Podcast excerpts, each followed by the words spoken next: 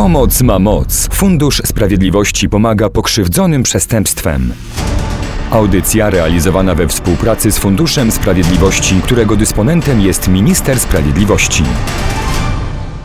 Gościem audycji jest psycholog Regina Strulak, współpracująca ze Środkiem Pomocy Osobom Pokrzywdzonym Przestępstwem w Pabianicach. Dzień dobry. Agresję słowną możemy zaliczyć do przemocy psychicznej, takiej, która narusza godność osobistą drugiej osoby, jest formą hejtu zmasowanego, długofalowych działań, takich podważających wartość tej drugiej osoby, jej poczucie własnej wartości, jej samoocenę, począwszy od różnych wyzwisk pod adresem tej osoby, wulgaryzmów, po takie wyśmiewanie, obrażanie, rozsiewanie różnych form plotek, poniżanie tej osoby no wiadomo, że to jest taka forma długofalowa, że to nie jest jakiś jednorazowy atak, typu jest jakaś kłótnia i w odwecie jedna osoba mówi drugiej coś nieprzyjemnego na jej temat. To zwykle są takie formy długofalowe, nasilone. To jest często na przykład w formie zaczepek, czyli na przykład załóżmy, że do osób, bo to są często wybierane takie osoby, które w jakiś sposób w tej grupie się odróżniają, mają różne jakby deficyty wyglądu czy funkcjonowania na przykład intelektualnego, czyli albo na przykład są mniej sprawne intelektualnie, albo są bardzo ambitne,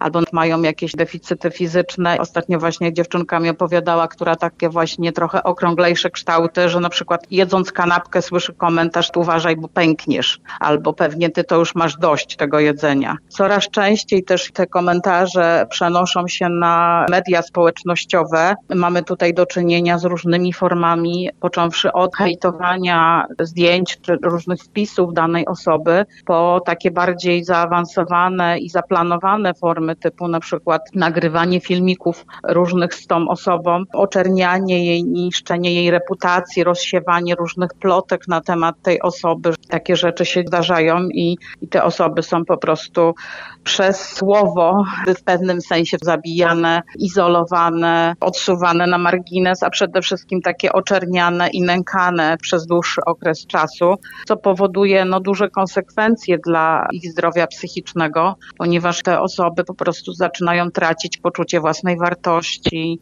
takiej godności osobistej. Przede wszystkim zaczynają jakby się obawiać chodzenia w relacje, odsuwają się, gdzieś żyją na uboczu, mają podejście, żeby tylko przetrwać dzień, żeby jakoś po prostu nie doświadczyć tego bólu tak dużo, więc unikają tych kontaktów i się izolują i żyją na uboczu. Często też konsekwencją tej przemocy słownej. Jest cała gama takich zmian w psychice tych szczególnie młodych ludzi. Pojawiają się tutaj oprócz tego obniżonego poczucia własnej wartości, też różnego typu lęki, koszmary senne. Zaczyna się rozwijać depresja, pojawiają się różne formy autoagresji. Mają poczucie często, że to z nimi jest coś nie tak. Pomoc ma moc. Fundusz Sprawiedliwości pomaga pokrzywdzonym przestępstwem.